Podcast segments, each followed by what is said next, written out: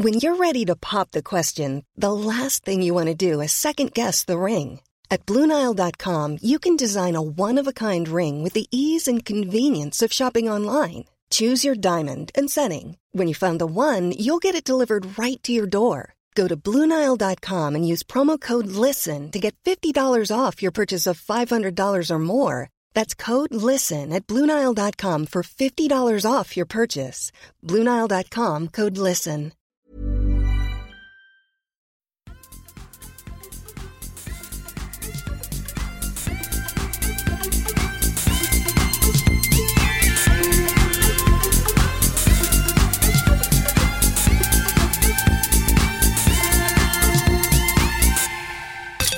Hej och välkomna till Kedja ut en podcast om discgolf tillsammans med mig Tommy Bäcke och eh, vad ska, hur ska jag presentera dig idag Nicke?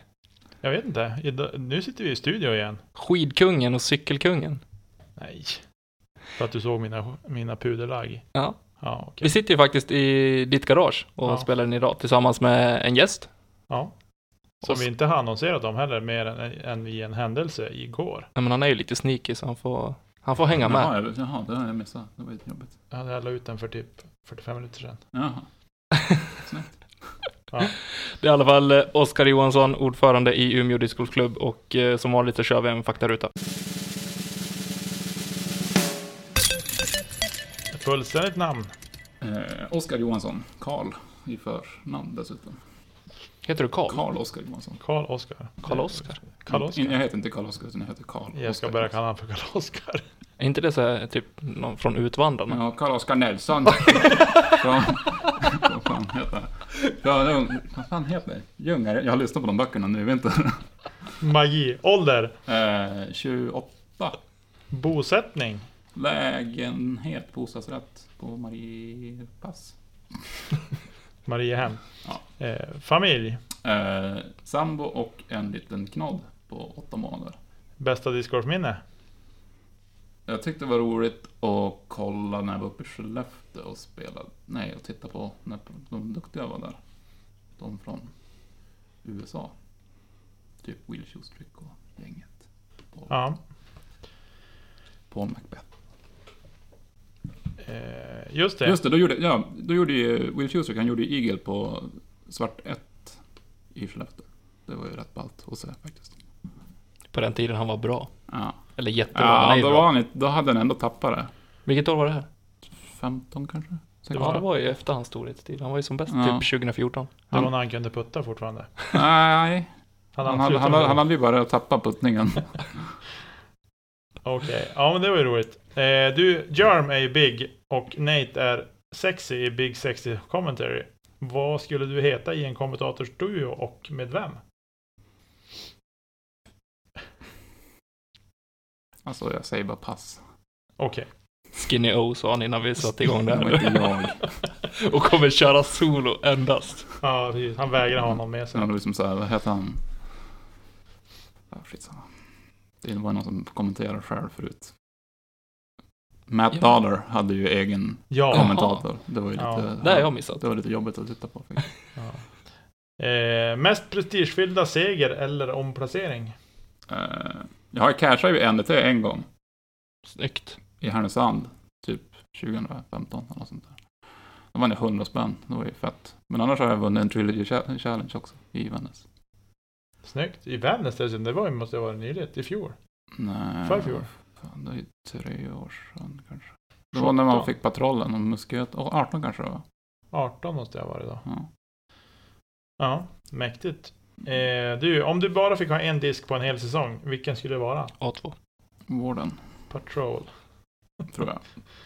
Warden. Team Mm. Warden. Eh, färgsorterad bag eller huller om buller? Försöker hålla den färgsorterad, men det håller ju ungefär ett hål. Och sen då blir det ju huller om buller. Ja. Eh, favoritspelare? Nu är det väl eh, Simon, tror jag.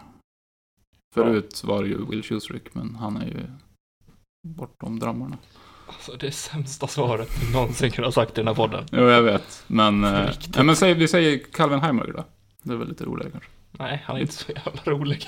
Ja, men det är det han är. Han är så, så, Han är jävla, svinbra han är så alltså. jävla slapp. Det är det Han, som, det där var ett Oscar Putta som han, det är därför. Eh, favoritbana? Eh, jag gillar Luleå. Faktiskt. Serpent Hill. Ja. Mm. Men jag gillar Lillsjön också. Det är ju typ samma typ av bana, ska jag säga. Ish, ish. Ja, jag förstår. Samma estetik i alla fall. Ja. Alltså så här, sk- skog men med gräsmatta typ. Lillsjön är trevlig. Ja, jag gillar. Eh, favorithår? Mm, Svart fem. nej.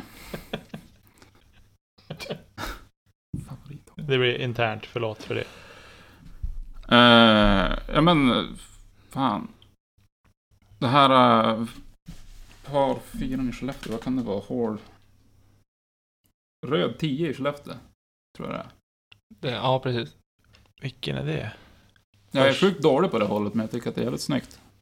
Du kör Ja, det- men typ ett rakkast in i skogen och så svänger det vänster. Är det det första när man går över vägen? Ja, Nej, Så, nej. inte den. inte det? Nej, den är ju alldeles för svår. Utan den som är typ två hål innan den. Du kastar ju... Först den där jättelånga, typ 135 som är en par tre som är helt omöjlig. Ja, just det. Ja, då har vi. Sen efter det hålet, då har du ju längs med vägen har du en par fyra. Som...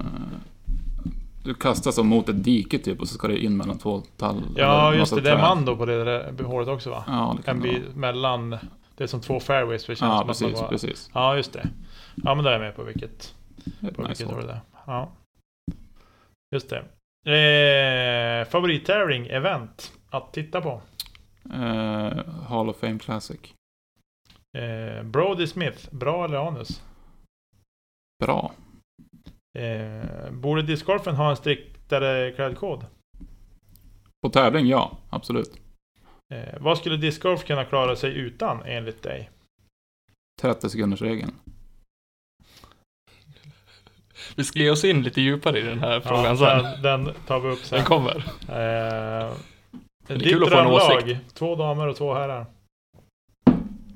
Eh, det är ju Henna Blomros på dam. Och så Page såklart. Och så får man väl ta... Ja men Simon och Casey White då. De verkar ju ha ganska roligt ihop och kan nog spela rätt bra ihop också tror jag. Mm. Det tror jag också. Eh, om du för en kväll fick äta middag och splitta några buteljer med valfri person, levande eller död, vem skulle det vara? Ehm, jag tror typ min morfar. För han dog när jag var sex och jag minns typ ingenting av honom. Typ. Han spelade fotboll i AIK på 60-talet. Oj, Det är lite coolt. mycket. Det är coolt. Han, han, eller nu vet jag inte sanningshalten i det här, men han ska ha mött Pelé, liksom. På, på den nivån. Det är stort. I någon kanske konstig match. Vi har ingen anledning att misstro dig. Om vi säger så. Eh, ja, men du, det var... Eh, det var faktarutan. Vad tyckte du om faktarutan? Du har ju hört den förut, men Ja, inte... jag har hört den förut. Ja, det, det är fan svårt ändå. Du har inte haft så lång förberedelse heller. Nja, jag har ju lyssnat på podden många gånger. Så man har ju hört frågorna många gånger. Jo. Så att- Ja, men Men du... då- Eh, vi hoppar vidare i programmet. Ja. Och här har vi inte så mycket att säga för att jag skrivit upp någonting som vi inte har hunnit prata om. Eh, jag bara skrivit att, att idag hänger Oskar med oss i podden. Det var det jag hade skrivit in på den. Det var en bra agenda. Skönt att han sitter här då. Ja, precis. Vi Och slipper, slipper oroa oss för att han ska vara med. Men berätta lite Oskar, vad är det som gör dig centralt i dagens avsnitt? Eller vad är det som gör att du sitter här? Förutom att du är fantastiskt härlig och bra person. Ska jag berätta det? Ja, det kan du göra. Eh, Jag är en fantastiskt härlig och bra person. Så, nej, men jag vet inte. Jag har väl någon form av roll i discgolf Umeå i alla fall. Mm. Även om jag kanske inte syns jättemycket tycker jag. Eftersom att jag spelar typ en gång i veckan. På offentliga banor och sådär. Mm. Eller på, vad ska jag säga, klubbens aktiviteter. Så Ja. att, Jag tycker ändå att det är relativt också. eh, Vad det beror på vad, alltså vad du menar med att synas. Ja men alltså syns på banan. Alltså sådär, typ bara, bara, han, är, han är ordförande. Så bara, vem är det där? Han har jag sett aldrig förut. Nej, men sen vi som är... Eller styrelsen överlag kanske är dålig på att skylta sig själva. Men ja, nu blir det kanske internt. Ja, men samtidigt. Det är, vi sitter ju i samma styrelse, alla vi tre Mm. tillsammans. Och jag tänker väl någonstans att vi, så länge det funkar det som är vårt uppdrag så är det väl lugnt, tänker jag. Eller är det, måste vi synas också och höras? Jag tänker att ju mindre man syns och hörs, desto bättre kanske det är om kan det funkar. folk komma och slå ner oss. Ja. Nej, det är ju sig sant. Nu är det ju kört efter det här avsnittet. Ja. Nej, men, eh, ja, men jo, jag, tyck, jag tycker ändå på något sätt att man ska synas. Faktiskt. Jag minns då det var en tidigare ordförande och så sen då, då var det som så, här, var är den där personen? Han har inte synts någonting. Och Nej, var väl lite grann i samma sits som mig som också precis hade fått barn och sådär. Då är det ju liksom svårt att vara synlig. jo, det är det. Och de som inte har barn vet ju inte heller eh, hur det är att ta det klivet in. Hur, I vilket fall Oskar, så du är en bra ordförande, tycker jag i alla fall. Det behöver du inte vara Tack Vass. eh, orolig för. Eh, vi har lite tävlingar vi tänkte gå igenom här eh, som eh, har spelats i helgen. Och eh, ska vi börja eh, lokalt lokalt eller ska vi börja bara nationellt? vi kan börja... Vi börjar med kvällens tävling eller? Ja, det kan vi göra. Vi var ju, Ja, den är viktig. Vi var ju faktiskt snabbt iväg till eh, Bullmark som ligger typ eh, nästgårds här vi sitter nu. Eh, Och spelade en ny niohålsbana. Mm. De har varit i marken i typ tre veckor. Någonting. Eh, ja, något sånt med tis i alla fall. Korgarna har väl stått uppe i en 4-5 men med riktiga tis på plats så är det väl tre veckor typ. Ungefär. Och nu sitter ju alla och undrar, ja men hur gick det då? Oskar vann. Såklart. Tack. Team Warden. Kommer spela banan blint och tokdominerar. Ja. Det var så otroligt fina bankartor så att det var ju svårt att misslyckas. Tangerar banrekordet också. Mm, som du har. Det var dit jag ville. Ja. Ja, men Oskar vann i alla fall på minus två. Mm. Yes, Så att åk dit och spela. det var en rolig bana. Ni som har chansen. Och ni som kommer på SM har ju också chansen att åka och spela den. Bara så att ni vet. Eh, ja men vi börjar väl. Vi börjar väl eh, i Åsbo. I Falun. Falun! Origotoren. Ja, och där var det ju inga konstigheter. Det var bra startfält. Väldigt bra startfält. Det känns Mm. som att det var en liten warm-up inför det som komma skall här. Mm. Det var många namn som jag skulle kunna placera i toppen på kommande SM i alla fall. Mm. Eh, Som var med. Men vi kan ta juniorklassen så vann Bastian Värme. Junior 18 och under. Eh, Och eh, damklassen vann Anneli Lundqvist före Therese Molin och Hanna Jansson. Mm. på det. I Open så gick Åke Wallbäcks och tog vinsten Mm. före Henrik Jakobsson och Kymin Modig. Och Åke gör ju en fantastiskt bra andra runda. 10 under par som han, eh, ja, det lyckades ta han ända till, eh, till vinsten. Mm. Och Alexander Jackson smäller till med ett ace också. På Ja. hål nummer 10. Han snittar väl typ ett ace i veckan. Det är galet. Är han Eh, därifrån eller? ja, han är från Falun. Okej. Eller han bor i Falun. Just det. Men de namnen som vi ser, som jag skulle i alla fall kunna placera i ett, eh, i ett topp 10 på årets SM. Anton Lind kommer på en sjätte plats. Eh, Vi har Robin Willman delad trea efter två runder men förlorar särspel mot Kymen. eh, Som definitivt ska vara med i toppen och slåss, Mm. tycker jag. Åke Wallbäcks, ja. Definitivt. Vad är det för typ av bana där i Falun? Lite likt ängarna men lite mer skog. Alltså, alltså Luleå eller Lillsjön? Nej, men relativt lång. Men det är ja, väldigt varierat. Både höjdskillnad och eh, lite skog och eh, öppet och fint. Som, Väldigt fin bana. Som äng- ängarna.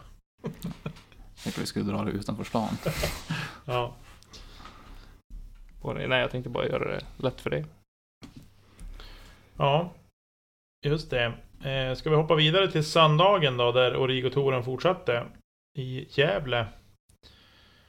Eh, och där på juniorsidan så eh, Filip Abrahamsson vann där för Neo Sjölander och Adam Göterfors. Och sen på damsidan så vann Therese Molin före Sandra Sjöstrand och Anneli Lundqvist. Snyggt.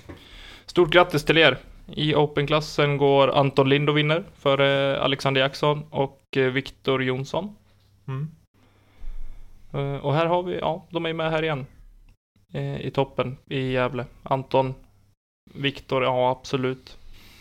Ska kunna vara med och fightas i toppen på SM också. Kymen kommer femma, Åke kommer sjua. Mm. Sen har vi också Patrik Eriksson som är otroligt duktig.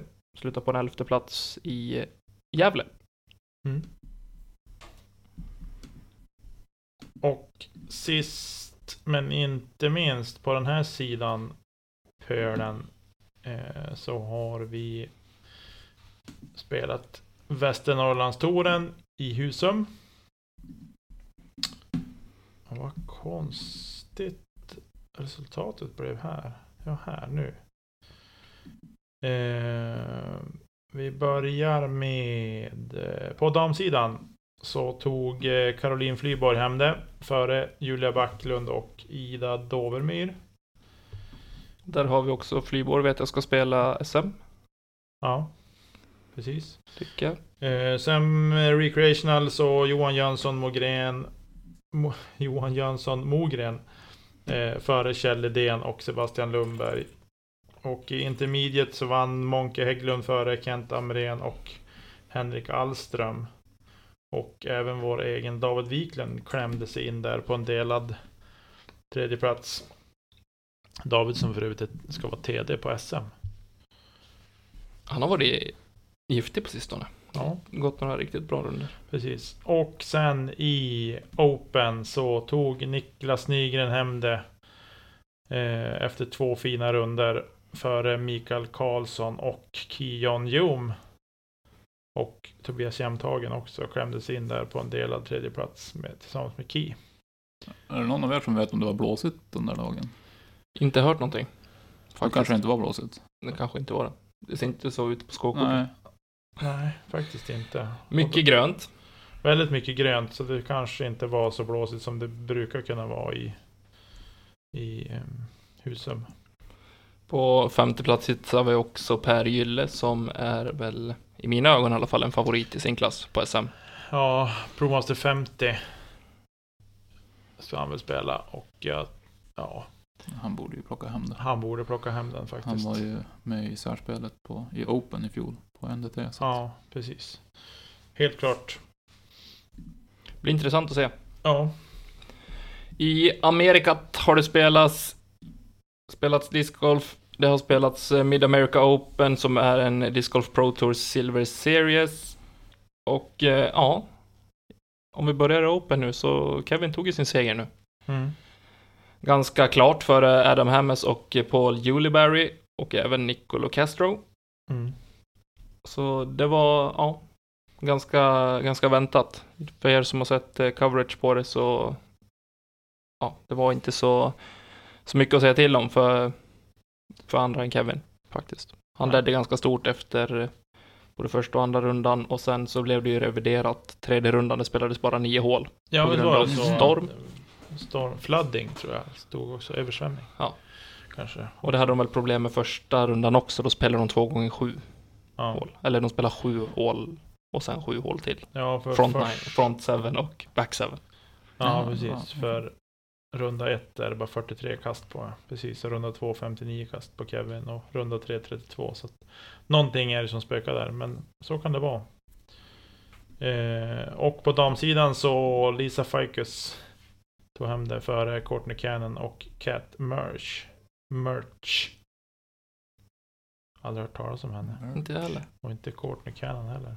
Men Fikes har ju spelat bra senaste tiden tycker hon, jag. Hon vann väl nyss? Så det. Jo, Alltså Ja. förutom det här då. Hon vann. hon, hon vann ju tävlingen som var mellan The Preserve och nu förra helgens tävling. Silver Cup. Ja, kan Ja, vara det var en Silver Ja, just Cup tävling då också som hon vann. Så hon är het i Silvercupen. Visst var det här DGPT? Ja, Ja, Silver Series. Silverserien. Men DGPT kommer ju faktiskt, vad heter den då? Heter den bara Disc Golf Pro Tour?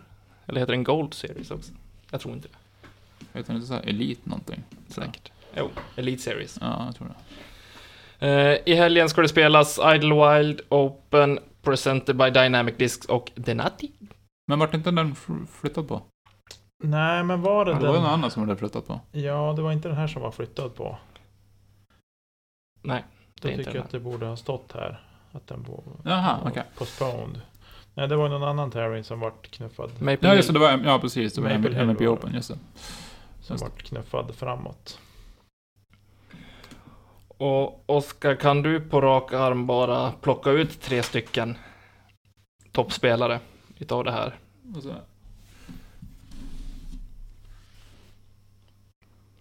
Eh, Ricky, eh, Ricky, Calvin och James Conrad. Bara Innova-spelare. Det är nog första gången i år. Ja, Ja, men jag, tror, jag tror Ricky har väl alltid spelat bra där, har jag för mig. Och James har jag Mm. också för mig alltid har spelat bra där. Och Calvin är ju varm i kläderna just ja. nu. Så. Jo, Calvin har spelat riktigt, riktigt bra på slutet. Jag tror det står mellan Kevin, Paul och eh, Ricky. Paul går ju aldrig att räkna bort. Nej. Även fast han Nej, det är lite så. kass på slutet. Men... Eller kass. Kass. Ja.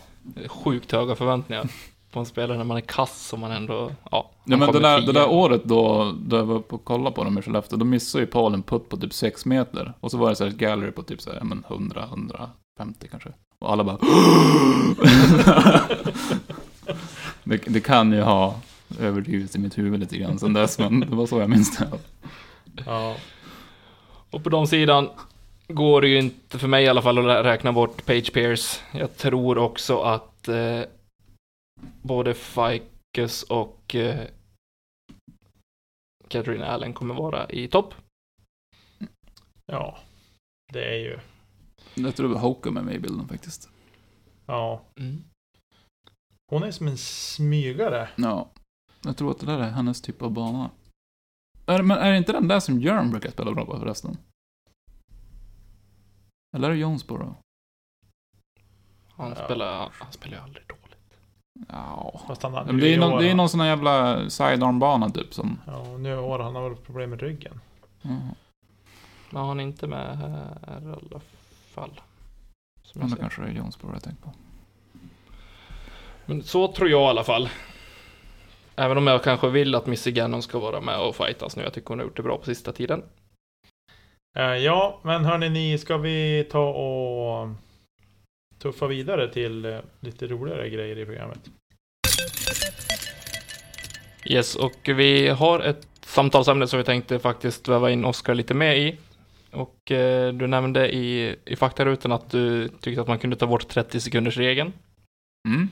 Men om vi tar eh, om man tänker regelförseelser generellt. Hur, hur ser det ut på banorna? Nu får ni komma in med instick eh, båda två. Men hur, det, hur ser det ut på banorna? Vad är det som, eh, som kollas på och vad är det som man ser mellan fingrarna med? Mm.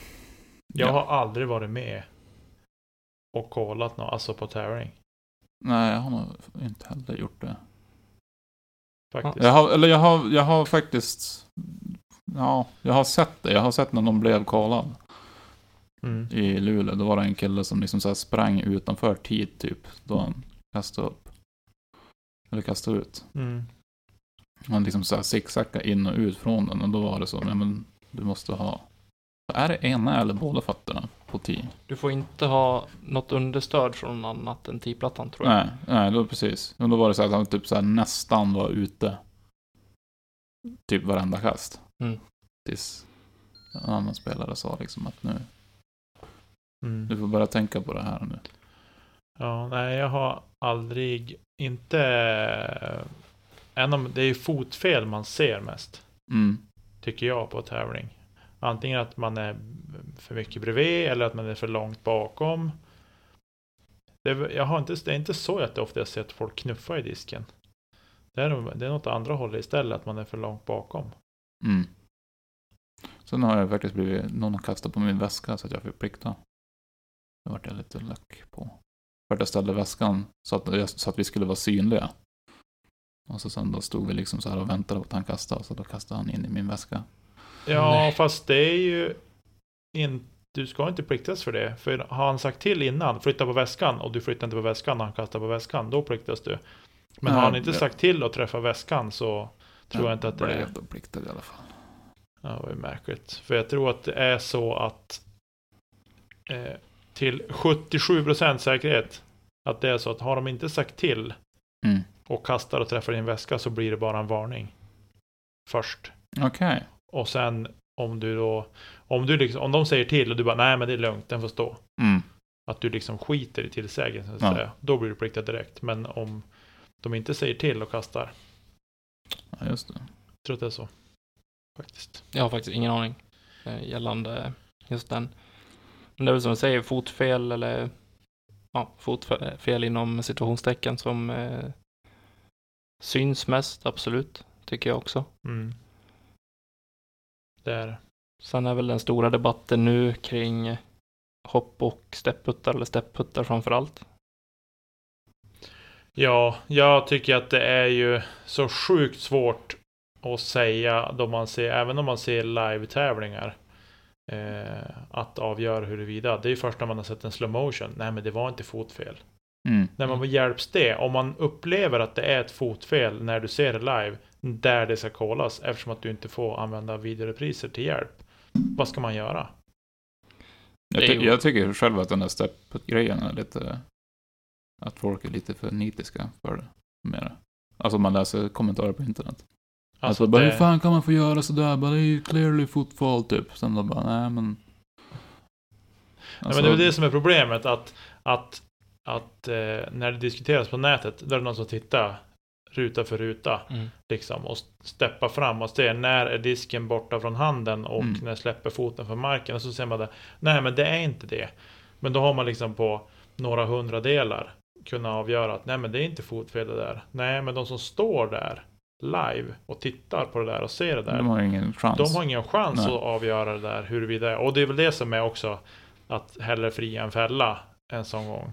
Och att det oftast då blir, men som sagt om det är liksom, man måste titta ruta för ruta Ja, men, det är ing, det är, eller jag tycker att det är ingenting som hjälper en heller ifall du landar på foten. Liksom. Ifall du liksom gör en steppet och så landar du på foten, då pausas ju hela din putt typ. Då får du ingen kraftöverföring. Nej, till- då, då skärper det ju mer än vad det är. Ja, ja. Jo. Så att det är liksom så här, Och jag tycker nästan att, för jag stepputtar ju från typ 13-12 meter och utåt. ja. Eh, och tycker att det svåra egentligen, det är ju just steget man tar fram med ena foten, att hinna släppa disken innan den tar i. Det är inte bakre foten som jag upplever är det svåra, att den liksom släpper, för det gör den sällan. Nej.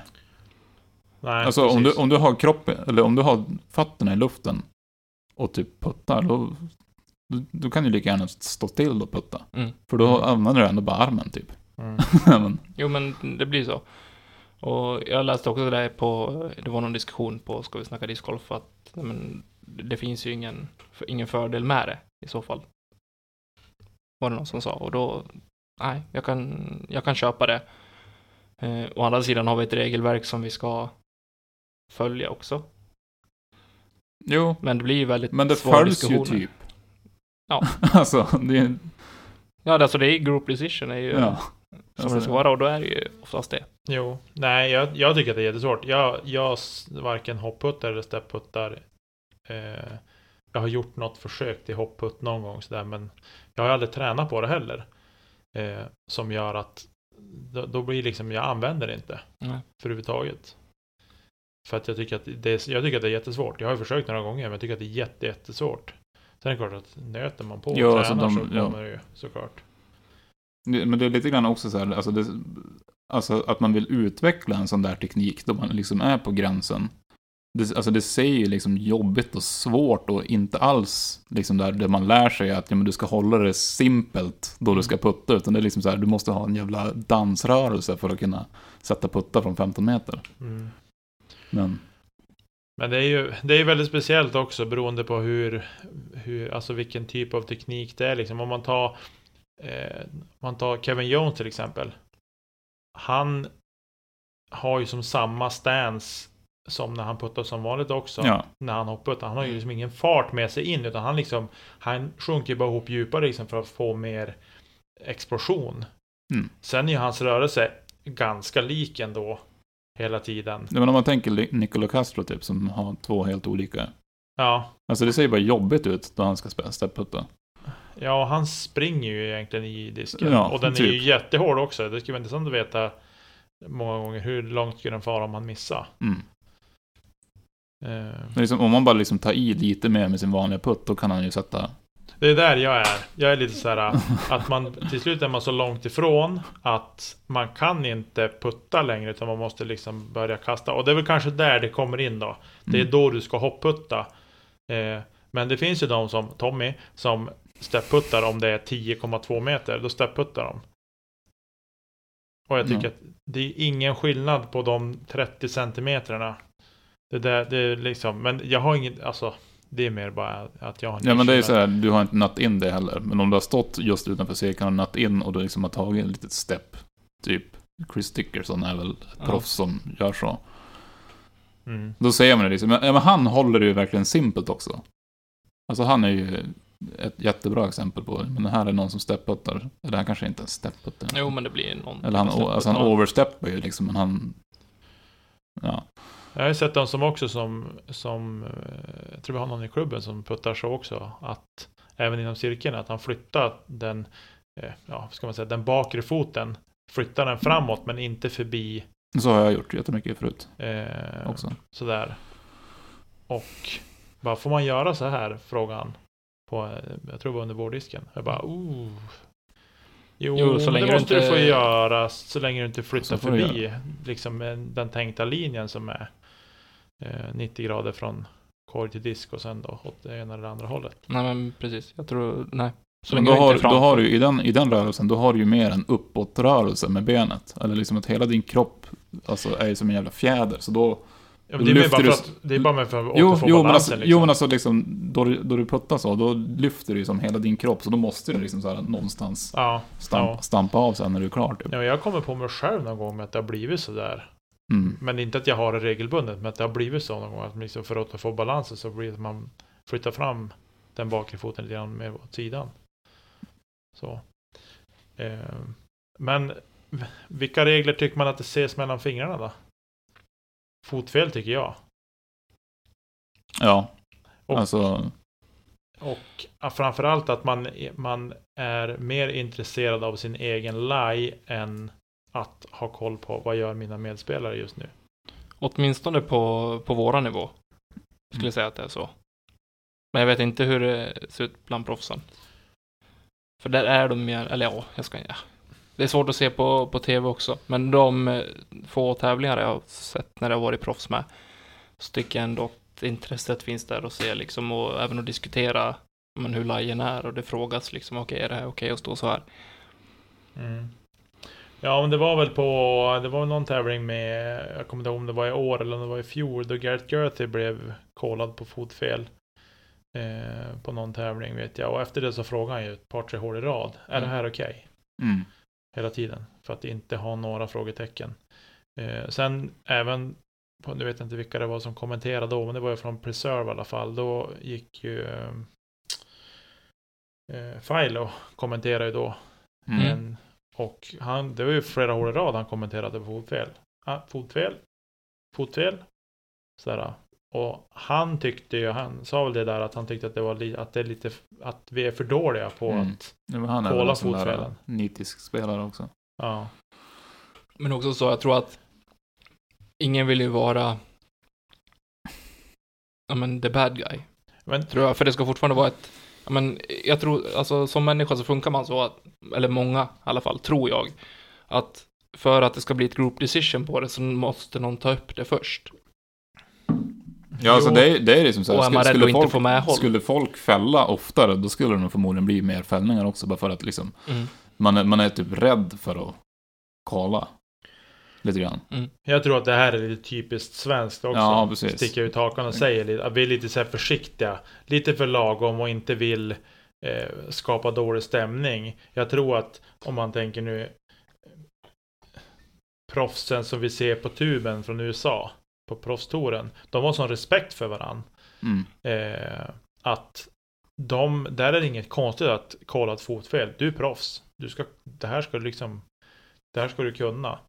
Eh, sådär, och då liksom, då blir det inte att det blir en dålig stämning sinsemellan. Däremot här hemma liksom skulle någon, skulle jag kolla ett fotfel på, på någon så, så tror jag att då är den rundan förstörd stämningsmässigt. Ja, för de har man så dåligt psyke också.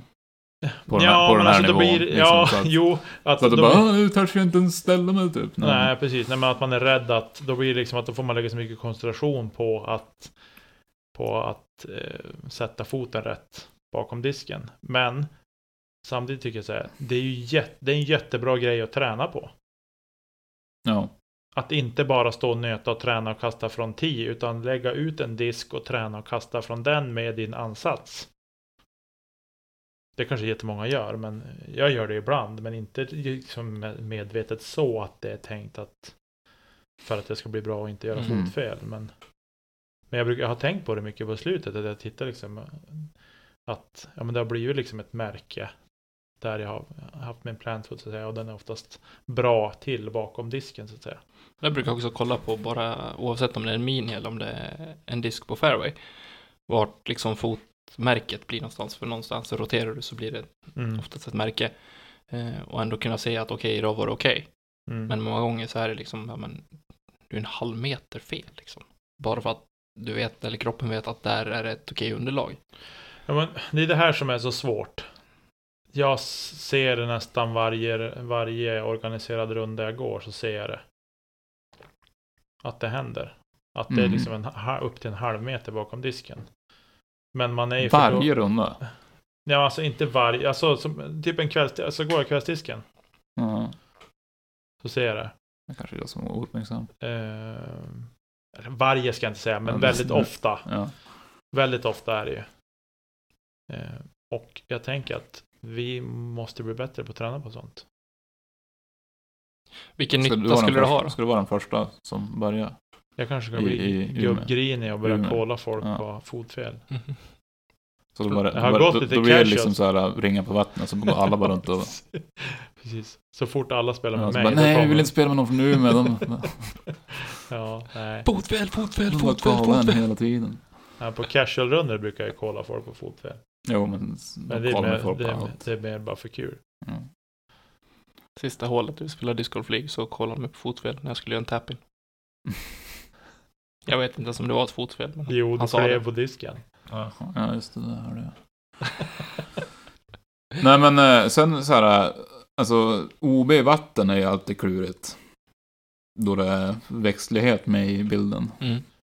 Det är jätteklurigt. Det, det var en ganska, på Umeå öppna i söndags, då var det en incident. Då en annan spelares disk var liksom, den var i vattnet, men den låg uppe på, alltså växtlighet som hade böjt sig ner över, Ja, men- över vattnet. Och då kan man ju liksom säga att ja, men det här är ju mark, om man tolkar det så. Ja. Jo. Och, vi, och vi, det slutar med att vi kollar, alltså vi kollar den safe. Liksom. För att, ja men, Men är det inte så att om... Den ska vara omsluten av vatten, det är väl det som liksom är oberegeln. Var det på hål två eller? Ja. Då blir det... Förlåt, jag ska inte vara så lokal. Men jag var bara tvungen att veta. ja. Ja, nej men alltså jag tycker att det där tycker jag är jättesvårt. Om, man, om det liksom är högt gräs som uppenbarligen böjer sig ifrån sin Mm. naturliga eh, riktning eller vad ska jag Ja. säga. Alltså vass eller vad det nu kan tänka vara, tänkas vara för någonting. Så tycker jag att om den liksom böjs ner och man tydligt kan säga att tar jag bort disken härifrån då kommer den här att räta upp sig och stå rakt upp. Mm. Den kommer inte att vara, då kommer det inte finnas någonting för disken att ligga på. Då tycker jag att den disken ska dömas som, som OB. Däremot om den ligger uppe på den där höga gräset det Ja, alltså där, och den, alltså rotsystemet Ja. för det där är rakt under, då absolut att den är safe. Ja. Men när det är liksom sådär, när någonting böjer sig ut. Jag menar om det hade legat en kvist eller liksom en gren på, någon, Mm. på något vattenhål och som sticker långt ut över vattnet. mm. Vad gör man då? Den är inte i vattnet, men den är ju... Eh, är Alltså, jag- jag- då? jag- tycker att det är så, det är Jag hade nog själv liksom så här, jag hade bara gått ner dit som bara, fan jag är OB. Och så sen då hade jag puttat som att jag var OB. Jo, men du har ju bara provat som i, i fallet du beskriver nu Niklas, att det faktiskt kan ju ligga skit som tar sig upp på ytan. På, ja, men i bäckar eller åar eller... Ja, men om det ligger sådana här stora blad som kan Ja. finnas i dammar som Mm. grodorna hoppar omkring på. Nekrosor. Eh, Men prova att ta, nekroser, precis. ta, ta din meter in därifrån då. Nej, men nej, exakt. Men det är det jag menar. Är Ja att- men den, den, den bladet kom ju från vattnet också. Alltså den har ju rososystemet i vattnet. Jo, men därför Men tänker Säg jag att så det här. ligger är någon inte- pinne eller någon stock. Ja men det är ju dött materia så det räknas väl inte. Alltså det ska ju vara liksom någonting som Jo, men om det hänger en gren som... Jo, det är ju ett bra som exempel. till exempel, nu blir det local, men ändå, hål 14 poängarna till exempel. Där vi har träd som står ut Mm. med där. Om disken skulle fastna upp i trädet, helt klart tydligt över vattnet. Och är kanske en och en halv, två meter ut, Mm. men fortfarande inte blöt, men den är i luften. Vad gäller då? Men För då är du den väl ändå du får- omsluten av vatten. Nej, vet fan. Alltså jag tycker att det ska du får inte sättas ta din pinnar. lättnad. Du kan inte ta din lättnad heller, den här OB-lättnaden som du får ta, att du får flytta hur långt bak du vill från korgen sett i linje från OB-linjen. Mm. Den går inte heller att ta. Nej. För att du Du har inte kollat en OB. Nej, just det. Alltså vad, vad är det som gäller då? Casual. Ska du ha det? Får jag ta casual i det här trädet? Ja. Det är ju otroligt svårt att veta. Mm. Och jag vet inte om jag kan kännas vid med att jag har läst det heller att att, för jag menar, finns det ingen, om det är vattnet som är OB, det finns ingen OB-linje. Nej. Och det är väl där problemet, eller jag tycker att det enklaste hade varit om det fanns linjer i backen. Alltså målade linjer. Ja, att du är över den, då är du... Men jag förstår att det är för mycket att begära på många, på många banor. Åtminstone här i Sverige som inte sköts eh, men professionellt. Mm. Men pinnar i, i bästa möjliga mån. Ja. Och även, Eller, så, eller så snöre. om man bara håller det liksom eh, fintrimmat. Nej, men. Det kan man också göra. Jag Så- kan tycka så- att man får ha lite känsla själv också. Jag Ja. fattar det, att är, man alltså, det, är jagar ju en, score, men... det är ju en gentleman sport så att liksom så här. Jag sa, du, det är du som ska somna ikväll, sa jag till personen som det hände för. Ja. lite såhär lagom svenskt. Ja. Ja.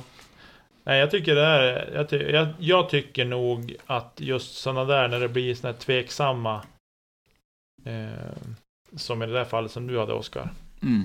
att vad är det som gäller? Då önskar man bara att, spe, att spelaren själv bara, nej men den här är OB, jag kan inte stå här. Det finns liksom ingen...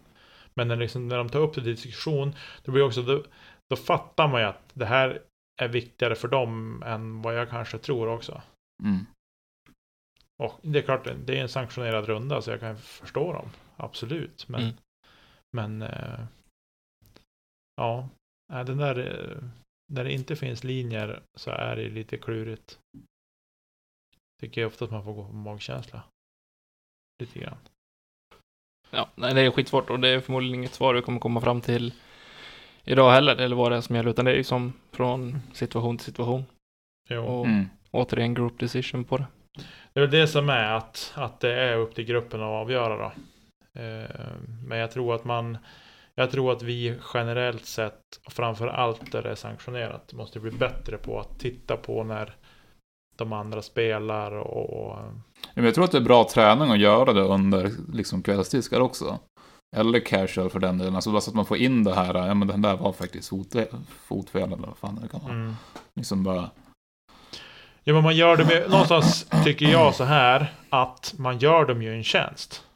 Än om de där och då kanske inte tycker det, men man gör dem ju ändå någonstans en tjänst för att om de fortsätter med det där och gör det där felet. Och så blir de någon gång kollad när det kanske, ja men på ett SM till exempel. Mm.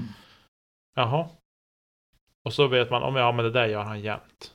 Men jag har inte sagt något för jag vill inte bli ovän eller det blir ju snarare åt andra Ja, hållet. men det, blir, det blir bra åt båda håll också. Alltså om du blir kalad så då blir du ju van vid den grejen. Eller vad man ska säga. Alltså, då blir du van vid att någon, alltså för du kan, du kan ju råka, alltså du kan ju råka liksom översteppa då du puttar någonting som bara, "Ah, det där var fotfel. Ja. Och då, att du liksom inte så här går sönder mentalt bara för att du liksom råkar göra ett litet misstag som du blev varnad på. Så Ja. det, det är ju nog bra åt båda håll att folk får Och sen tror jag också som, eh, men som medspelare i det här fallet att faktiskt, ja, men, vågar man säga till istället för att gå och störa sig på det. Mm. Att det händer om och om igen. För Mm. någonstans har inte du gjort ditt jobb då heller. Om inte du har sagt till. Nej. Nej men det är ju, och det är väl det här, det är väl det också som är grejen att du måste ha sett det. Alla måste ha sett det. Nej, det är väl en, en till som ska ha sett. Så att om det är två i gruppen, om man går fyrboll eller femboll, så Ja, alltså det är väl en som kallar så är det en som ska typ verifiera. det. verifierat, jo Ja. men det stämmer. Och så Ja. får de andra liksom avgöra själva vad de vill tro på och inte. För jag tänker att det inte blir men det ska inte behöva bli så att det ska bli något liksom så här att man ska stå och motivera. Jo men han gjorde det, vi ligger lika så att jag vill att han får en plikt här. Alltså Mm. förstår ni? Nej. Att det blir, blir på det sättet. Det var ju som i det fallet som, eh, som Anton berättade i avsnittet han var med också. Om disken hade gått på fel sida mandot eller inte. Mm. Och det inte fanns något tydligt svar utan nej men enligt honom så trodde de att den hade gått på fel sida. Och det är också en sån grej liksom. Det är, det är svårt. Ja, och när det blir tveksamheter då ska man ju vara fri. Alltså när det är så otroligt tveksamt. Jag tror. Ja, då friar man ju. Mm. I, min, I alla fall i min värld. Jag tror att den, då, då, redan där har man ju redan liksom sagt. Han har sagt, jag vet att den gick på fel. Ja, Okej, då är det en annan diskussion. Men jag tror, Mm. mm. tveksamt. Faktiskt. Ehm, kan vi klara oss utan någon regel? Du var inne på 30 sekunders regeln och då undrar jag varför? För att ibland så, alltså... Ja, varför finns den? Ja, det, Varför finns den? Ja, Är det det för att väl- rundan inte ska ta 18 timmar eller? Skulle varje spelare liksom ta en timme på sig per hål? Bara, bara för att de kan? nej men den, det är väl för att hålla uppe tempot. Ja men 30 sekunder är fan jävligt snabbt alltså. Ja, och liksom lusläser man regeln så är det det att från och med det att du har hittat din disk. Ja. Och, Och så, så, att- så är du inne i en den bus, buske typ. Nej. Ja, och att de spelarna, den spelare som då har legat, om det inte, alltså om alla har gjort sina kast från 10 så att säga. Och så går, går man ut. Och det är det här också som blir hela grejen att när du eh, om du ska, du ska titta på vad dina medspelare gör. Man kommer fram till den disken som är längst ifrån korg, då ska den börja kasta. Mm. Eh, och så kastar den spelaren. Och så sen så här, ja men jag ser min disk där framme, 20 meter fram, ser jag min Då disk. ska man lubba direkt dit och bara... Rent krasst är det så att är du då näst på tur så är det att från och med det att den spelaren som nu nyss har kastat när den har kastat och disken är liksom i luften då börjar klockan att ticka. Ja, det är Då ju- det 30 sekunder på det från och med det om du liksom har hittat din disk. Men det ska också vara fritt från distraktion kring, alltså runt om. Ja, jo. Det är det, och det är det här som är. Det är det här som gör att det blir så otroligt luddigt. Som gör att man även kan ifrågasätta 30 sekunders regeln. För att, men man kan ju säga, men jag upplever att det är så mycket surr i publiken för att han höll på att sätta den. Ja, då är jag inte fri från distraction, alltså Mm. att bli Och det är också distraherad. en, en tolkningsfråga. Vad är distraktion? Är det en barnfamilj som sitter och picknick på green eller är det ett djur som springer förbi eller är det publikdjur? Eller är det vinden som blåser för mycket Ja. tycker man? Exakt. Ja. Jo, nej, det är ju... Det är ju... Den är ju onödig i det sätt som den är idag. Regeln. Vad hade blivit skillnad om man hade ändrat den eller tagit bort den då? Nu har spelare fått spela discgolf. Mm. alltså så, ja men jag tycker nästan typ att den är så meningslös. Tycker du att den används fullt ut? Alltså, är det många som har snuddar på 30 sekunder, typ när vi spelar idag? Det ska vara jag då. Ja, vet inte, sjutton. Jag upplever ju aldrig rätt att folk är tar rätt- sin tid. Alltså jag kan tänka mig att, att när man allting innan green kan jag tänka mig är att sniffa på 30 sekunder eller mer. Ja, alltså med, med liksom så här, men, Ja, man kom fram till sitt läge så har man så här fyra buskar framför sig, typ, och så kanske disken är halvt in i en buske, så ska man säga jaha, vad Man fan, ska ta sig ska, dit och så bara ska jag ja, göra nu då? Ja. Ja. Ja, här, ja, kanske inte den. Och så så här, ja, men vad gör... På green upplever jag inte att det är 30 sekunder på så många. Inte som jag spelar med i alla fall. Några enstaka få jag har spelat med som, som är och kanske snuddar vid eller går över. Ja. Men, men det är ju inga Nicolo Castro Nej, faktiskt. men liksom, ja. Jag förstår ju att det är sjukt störande att kolla på ifall man kollar på live-feed. Ja, nu tar det, Ja, det är liksom, nu- sjukt annoying. Nu tar det liksom en minut innan han har puttat. Alltså visst, det är ju skittråkig TV, men... Alltså Ja. om, du, om Jag vet inte hur det är i bollgolf. Där är ju så mycket annat emellan också. Eh, kommentatorsnack, du hoppar ju mer mellan Ja, men olika då kanske, bollar då och kanske det är det man också. får lösa med det mera. Alltså så här, man, man vet att Nico tar två minuter på sig att putta. Då, Mm. då får vi liksom så här. Man får se hans lilla tecken då han... man får bara tol- tolka hans rörelsen så bra Jo. så att man... Det är lite såhär, nu, nu, nej Ja. men, jo, nu, Byte kom rätt nu! nu, nej, nej, jo, nu! Ja, nej, den är inte jättelätt. Han är, han är väl kanske, eller han är ju duktig på att vara och tassa på reglerna överlag, Nicolo Castro. Förut så var det ju temperamentet som, han vart väl varnad någon tävling typ. Ja, vem Även skulle inte ha blivit van, varnad och kolad? Alltså för, för hans temperament på någon tävling, liksom. Alltså att han, han skrek typ och så fick han en varning och sen då skrek han igen och så fick han liksom en, En plikt. en plikt. Ja, Mm. Det är ju typ fyra, fem år sedan. Ja. Ja, nej, det är ju, men han, det jag tycker är, det är i alla fall mig personligen, mitt problem med Nico, det är hans tid på med puttningen. Det stör jag mig på. Ja men det är ju för att du kollar på det live. Jo, det är för att jag tittar på det. Absolut för att jag tittar på det live. Och att han, jag upplever han så sjukt stängd. Alltså så sluten som människa. Men så fort man ser liksom hans Instagram-klipp och Mm. andra liksom så här skojgrejer. Verkar han vara hur öppen och skojfrisk som helst. Men just när det är liksom, han är ju kanske den som är, han och Ricky tycker jag är de två som är extremt mycket i sin bubbla då man ser Calvin. på tävling. Ja. Han har aldrig kommit ut från den bubblan. Calvin, exakt. Calvin han är ju som, han är som Steven Seagal, det är liksom stoneface. Hela tiden. Ja men är det fel med att liksom vara... Nej, absolut. Nej, nej, nej, nej, nej, absolut inte. Men det är liksom att när man inte, man har inte sett Nico. Han har inte liksom, han har inte varit eh, han har inte haft någon vlogg, han har inte liksom varit ute på det sättet. Han är ju raka Ja, men han har haft motsatsen. jättemycket sedan typ 2010. Du kanske inte bara inte kollar på Nej, men jag har ju, jag kom ju in i Discord från 2017 Ja, igen. får ju kolla, så det att, finns ju kvar på internet. så att jag bara får ju, Liksom så här, jo. vet, once it's up, it's out there. Precis. Jo, nej men så att jag har inte liksom upplevt han tidigare. Eh, ska jag säga till Ja, men det var mitt det som var så roligt. Han var ju cred som en sån här joker typ. Alltså med så här jätterandiga kläder. Så var han typ den suraste spelaren i hela världen typ. Ja, man vill ju någonstans kanske jämna ut. Ja, exakt. Se ut som en clown, bete sig Ja. som ett monster. Fast han kanske inte var så sur under den perioden då han klädde sig så. Nej, Det kanske var senare. men det skulle, alltså jag, nu, det verkar inte vara som att det blir, som att folk kollar på tiden ändå. Så det verkar inte vara ett problem, Nej. Nej, uppenbarligen inte. tänker jag. Men någonstans, jag kan förstå att den finns där. Bland de som tittar. Nej. Jo. Ja, Jag, men nu, jag har- tror nu, fan det. Nu har jag spelat runder som sagt. Jag har spelat med några som är och nu har man liksom tänkt någon gång att men du, hallå, kom igen nu. Det är, det är en fyra meters putt. Du, sätter den. Så pass duktig är du.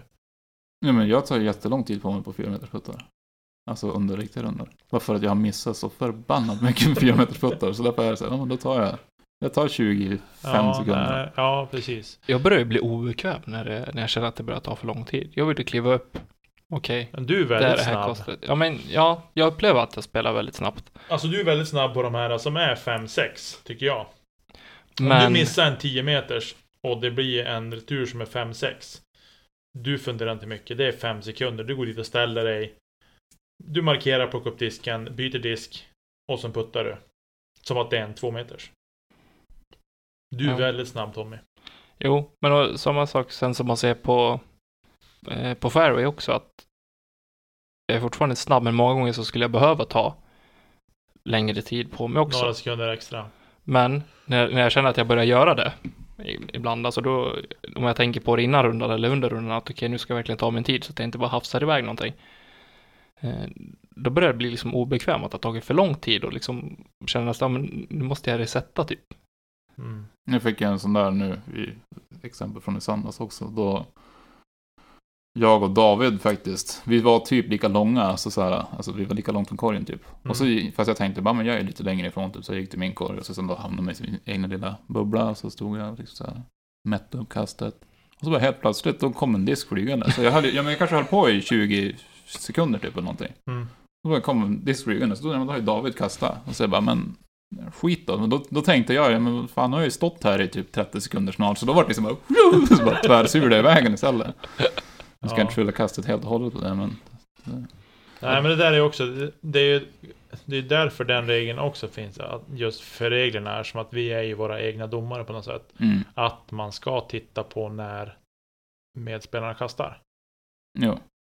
För att kunna se fotfel eller... Ja, men då, jag tror vi hade typ någon sån här en tall i vägen mellan oss eller något sånt där. Så Ja. vi såg som inte varandra. Ja, nej, och så var vi typ båda nästan exakt lika långa. Det var, Och jag ska någonstans sitta, jag ska inte sitta här och säga att jag är någon sorts ängel. Jag är ganska dålig på det själv. Jag är ju, jag ska inte sitta och säga vad andra ska göra så, men... Men... eh, Men diskussionen är objektiv. Ja, det är den. Mm. Definitivt. man ska vara, vad heter det? Ja.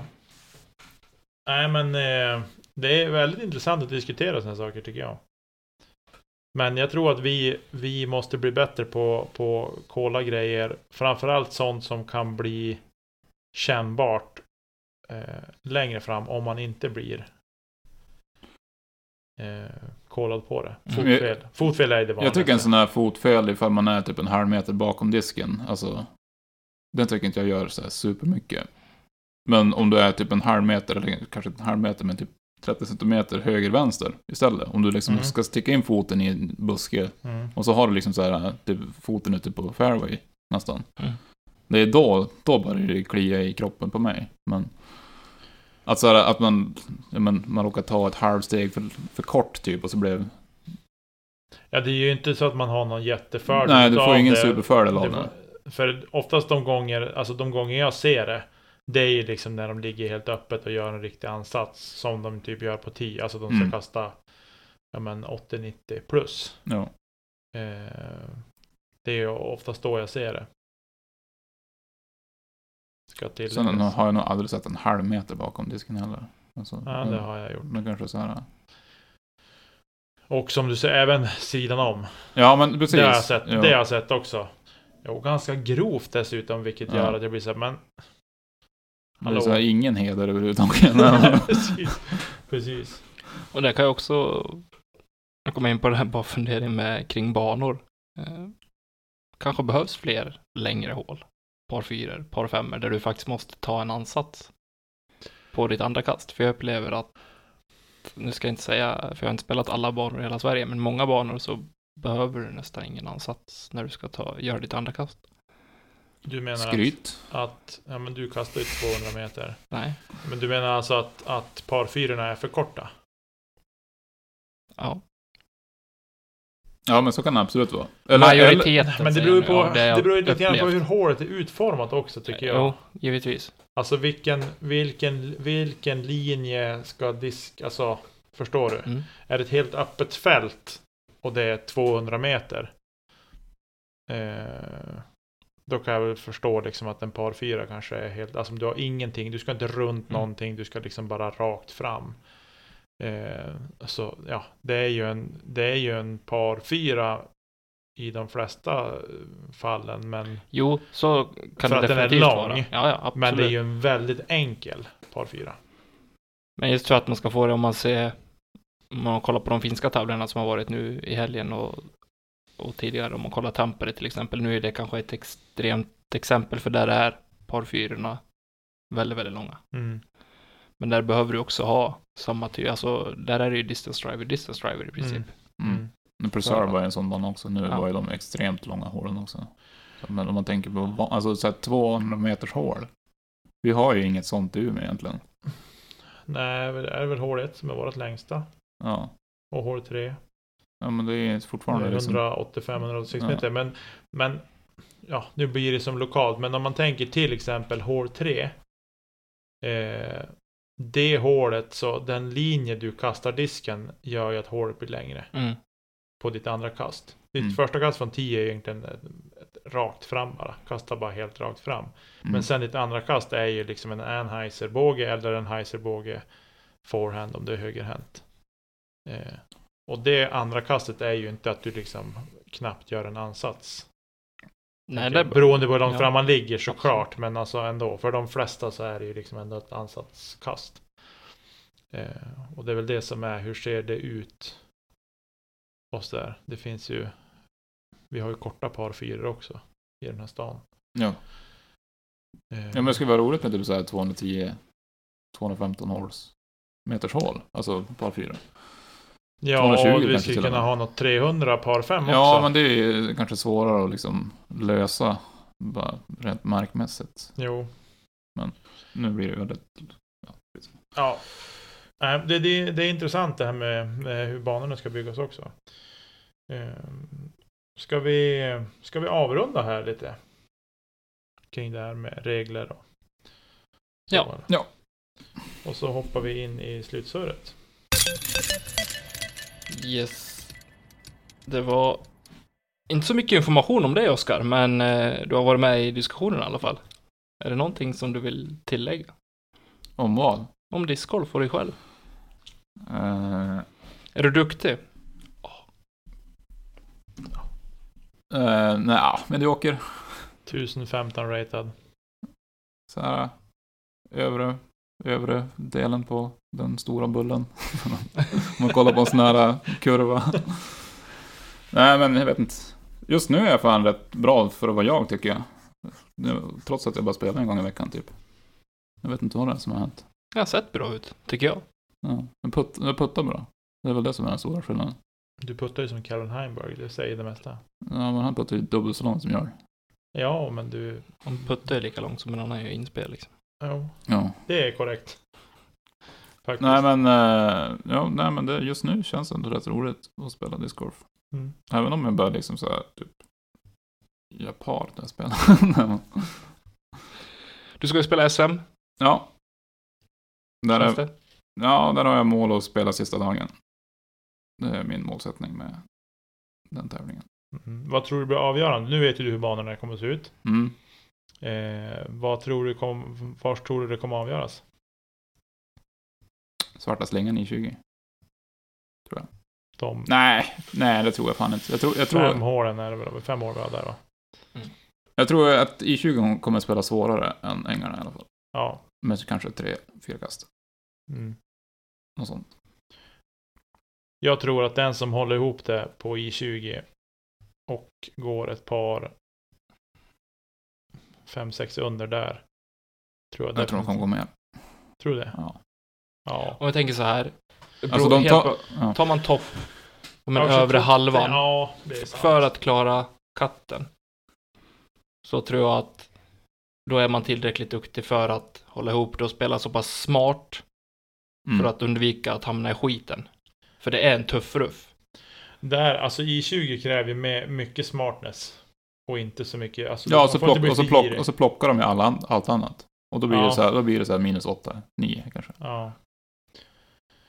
Ja, det, är- det, jag tror att Alltså det är där så det kommer att avgöras. För det är ju många, det är, de öppna hålen är ju för de som Ha arm, har, har arm och liksom, ja men framförallt putta bra. puttar bra typ. Mm. Och sen när, De är ju inte så här supersvåra. Och om de, ser till min egen del så är det ju mycket att när jag kommer fram till ett hål, okej vad ska jag göra för att få birdien här? Det är kanske inte alltid rätt tanke, inte för mig, eh, på många hål. Nej. Oavsett om det är i 20 eller på eh, Mariehemsängarna eller på Järva Vart man än på... spelar. Nej, precis. Utan någonstans så måste man kanske ta ett extra andetag, ta ett steg tillbaka, okej, Vi spelar det här smart. precis. Mm. Hur gör jag det bästa? Utifrån vad, Hur ska, vad hur kan ska jag och golf, hur säker är jag? golfa härifrån. Typ. Mm. High percentage. Ja, nej, men som sagt, hålla ihop det. Det är Mm. där det kommer att... och Det är en klyscha att säga att man måste hålla ihop det, det är såklart. Men jag tror att det är extra viktigt där, för den är ju inte så förlåtande. Eh, med misstag där. För den delen. Nej. Faktiskt.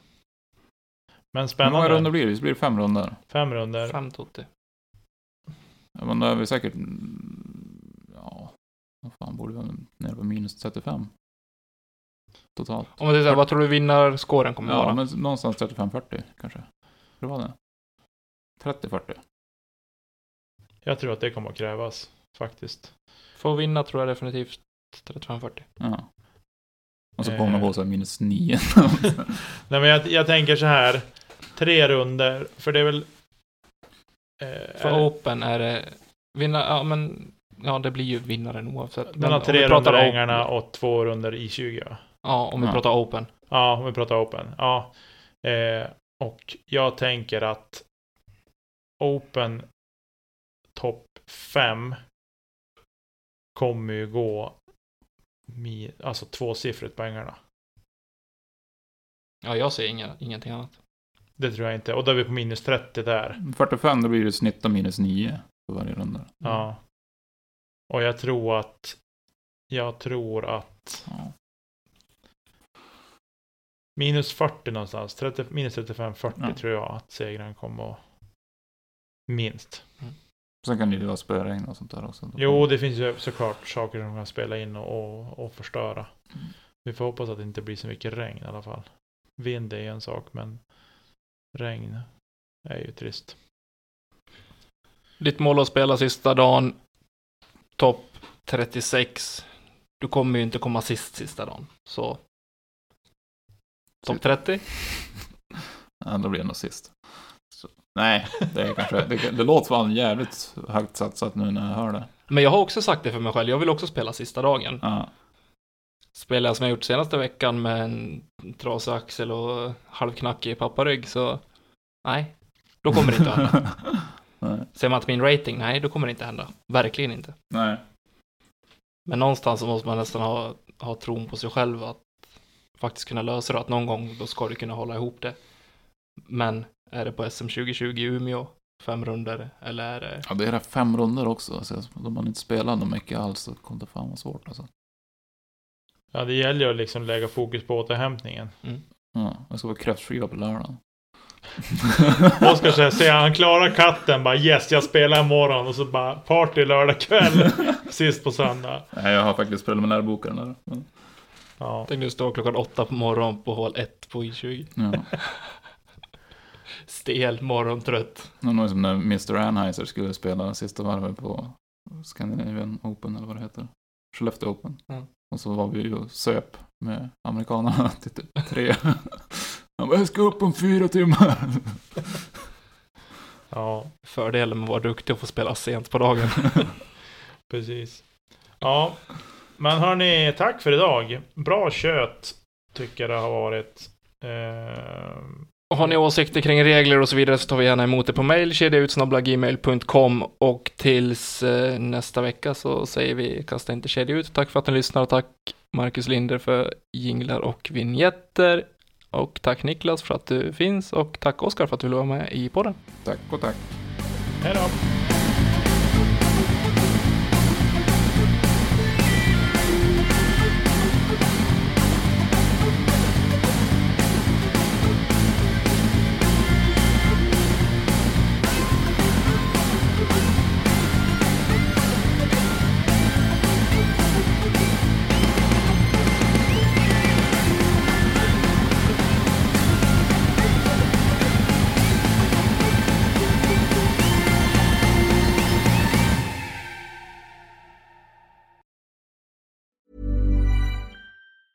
Normally, being a little extra might be a bit much, but not when it comes to healthcare. That's why United Healthcare's Health Protector Guard fixed indemnity insurance plans, underwritten by Golden Rule Insurance Company, supplement your primary plan so you manage out of pocket costs. Learn more at uh1.com.